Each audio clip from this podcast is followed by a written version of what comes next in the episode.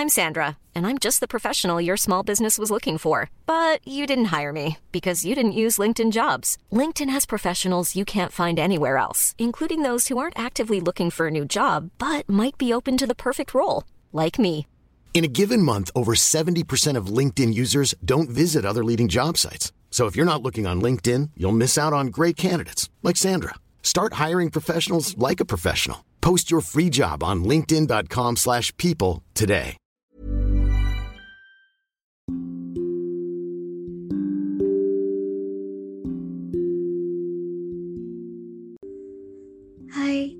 Kasih sudah mengunjungi dan hendak mendengarkan podcast Dongeng Tidur. Aku Iren Evita.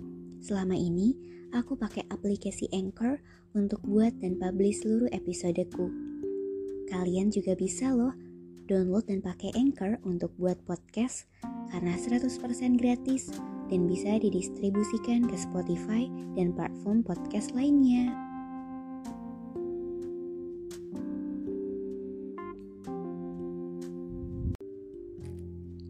Beberapa hari yang lalu adalah hari Natal.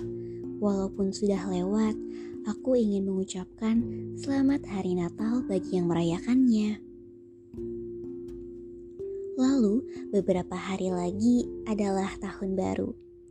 2022 akan berakhir dan 2023 akan datang. Semoga 2023 menjadi tahun yang lebih baik dan banyak hal-hal positif yang terjadi, hal-hal yang menyenangkan, bahagia yang terjadi dalam hidup kita semua.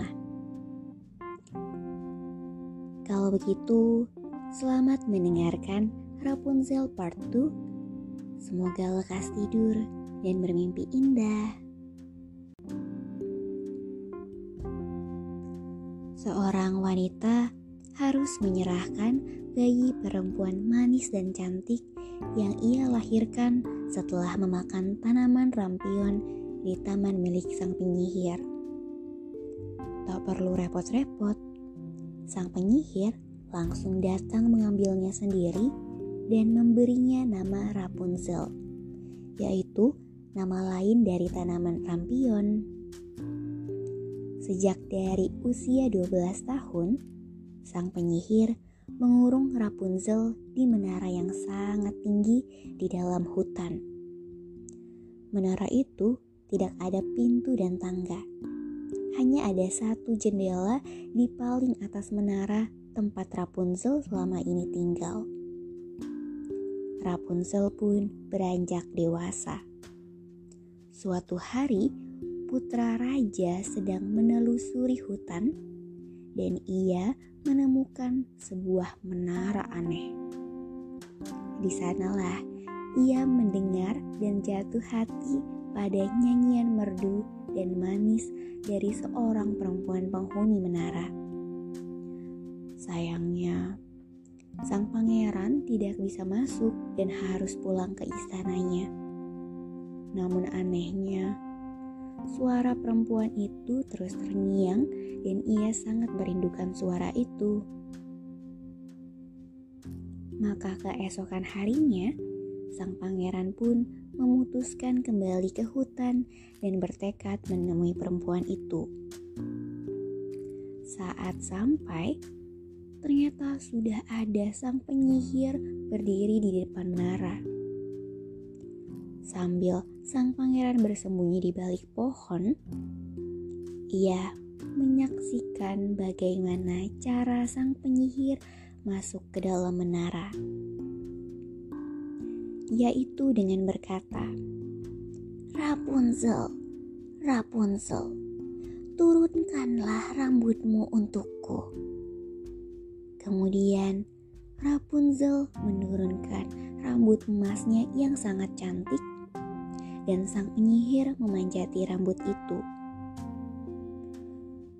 Jika rambut itu adalah tangga menara, maka aku akan mencoba peruntunganku. Ucap sang pangeran dalam benaknya. Sang pangeran pun kembali ke dalam istana untuk hari itu dan berencana datang kembali ke menara keesokannya. Esok harinya, Sang pangeran tiba di depan menara dalam hutan itu di sore hari. Ia pun mencoba rencananya, yaitu mengatakan hal yang sama dengan penyihir sebelumnya. Rapunzel, Rapunzel, turunkanlah rambutmu untukku. Secara ajaib, muncul rambut emas yang sangat cantik di hadapan sang pangeran, dan ia pun memanjatinya untuk naik ke atas. Saat tiba di atas, betapa terkejut dan takutnya Rapunzel saat melihat seorang pria asing yang tidak pernah dilihat oleh matanya selama ini. Satu-satunya manusia yang pernah bertemu dan berbicara padanya secara langsung hanyalah sang penyihir yang ia anggap ibunya. Sang pangeran berusaha menjelaskan semuanya dengan nada yang ramah dan tenang, seperti seorang teman. Ia juga menjelaskan bahwa ia jatuh cinta dengan suara Rapunzel begitu pertama kali mendengarnya. Nyanyiannya sangat membekas di hati sang pangeran, sehingga ia merasa harus bertemu dengan orang di menara. Kemudian, sang pangeran jatuh hati kedua kalinya karena Rapunzel adalah wanita tercantik dari semua yang pernah ia temui. Sang pangeran pun adalah pria pertama yang pernah ia lihat langsung dan berhadapan secara nyata. Selain itu, menurut Rapunzel, sang pangeran ini tampak muda dan tampan. Maka saat sang pangeran melamarnya dan bertanya apakah ia ingin menjadi istrinya, Rapunzel pun berkata pada dirinya di benaknya, Pria ini akan lebih mencintaiku dibanding Dame Godel tua itu. Dan Rapunzel mengiyakan lamaran sang pangeran. Aku bersedia untuk pergi bersamamu, namun aku tak tahu bagaimana cara untuk turun. Jadi, bawakanlah aku satu gelendong sutra setiap kamu datang, dan aku akan mengikatnya menjadi tanggaku. Ketika tangga itu siap, aku bisa turun dan kamu dapat membawaku dengan kudamu. Ucap Rapunzel. Sang pangeran menyetujuinya dan berjanji akan memenuhi permintaan Rapunzel. Agar tidak ketahuan, Rapunzel menyuruh sang pangeran datang setiap sore menjelang malam, karena sang penyihir hanya datang di pagi hingga sore hari. Selama beberapa waktu, sang pangeran terus membawakannya sutra dan Rapunzel berhasil menyembunyikan hal ini dari ibu penyihirnya. Namun, suatu saat Rapunzel merasa harus meminta izin orang yang ia anggap satu-satunya ibu dan keluarganya. Rapunzel berkata, Dem Gothel, bagaimana bisa kamu lebih berat saat aku menarikmu ke atas dibandingkan pria itu, pangeran putra raja? Mengetahuinya, sang penyihir marah besar. Dasar anak nakal, apa kau bilang? Aku merasa sudah mengasingkanmu dari dunia, tapi beraninya kau membohongiku. Sang penyihir pun mencengkram rambut panjang Rapunzel dan mengikatnya di tangan kiri dua kali. Lalu dengan tangan kanannya ia menggunting rambut Rapunzel di sana sini.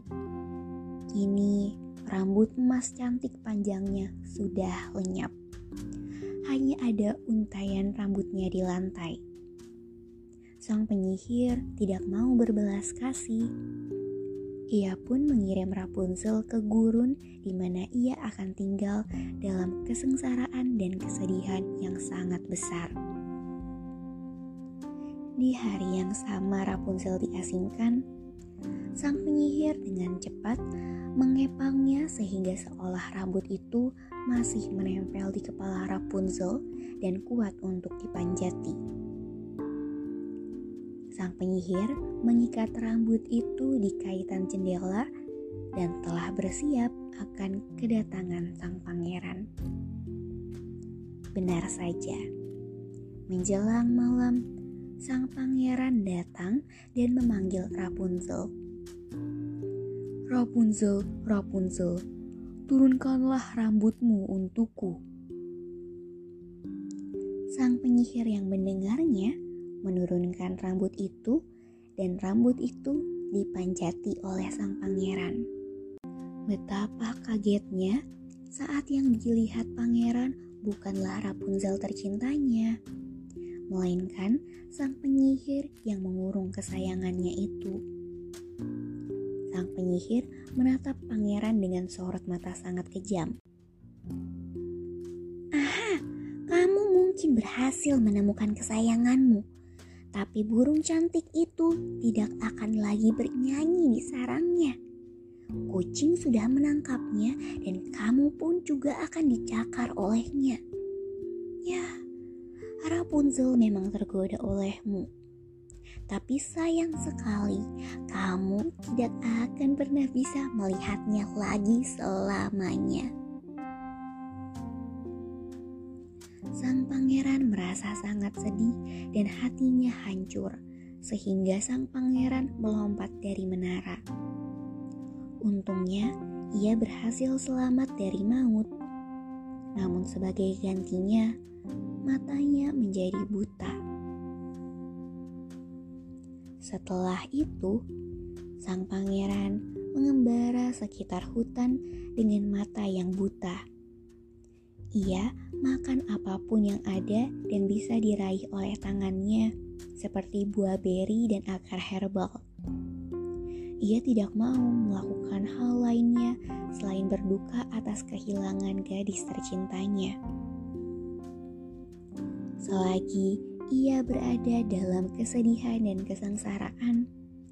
Ia terus berjalan tanpa tahu sedang di mana dan akan ke mana. Hingga akhirnya ia tiba di gurun tempat Rapunzel berada. Di situ, Rapunzel tinggal bersama anak kembar perempuan dan laki-laki yang dilahirkannya yang adalah anak sang pangeran mereka bertiga tinggal dalam kesengsaraan selama ini. Sang pangeran mendengar suara Rapunzel saat memanggil putra dan putrinya. Suara itu sungguh familiar seperti melodi alat musik yang merdu dan manis, mirip kekasihnya di masa lalu. Maka ia pun menghampiri suara itu ia sangat merindukan suara itu dan sosok kekasihnya. Rapunzel dari jauh melihat kedatangan seseorang, dan dengan cepat ia menyadari sosok sang pangeran yang mendekat adalah kekasih tercintanya yang telah lama dipisahkan darinya. Dan ia pun buru-buru menghampirinya. Mereka berdua berpelukan sang pangeran yang lelah jatuh tersungkur di tanah, dan Rapunzel menangkapnya lalu menaruh kepala sang pangeran di lehernya. Air mata Rapunzel yang menetes ke mata sang pangeran secara ajaib menyembuhkan kebutaannya. Kini, sang pangeran bisa melihat seperti sedia kala. Kemudian, sang pangeran membawa Rapunzel dan anak kembarnya ke istana. Raja sangat bahagia menemukan anaknya yang telah lama hilang dan dicarinya. Kini Rapunzel dan sang pangeran pun dapat hidup bahagia dan damai untuk selamanya.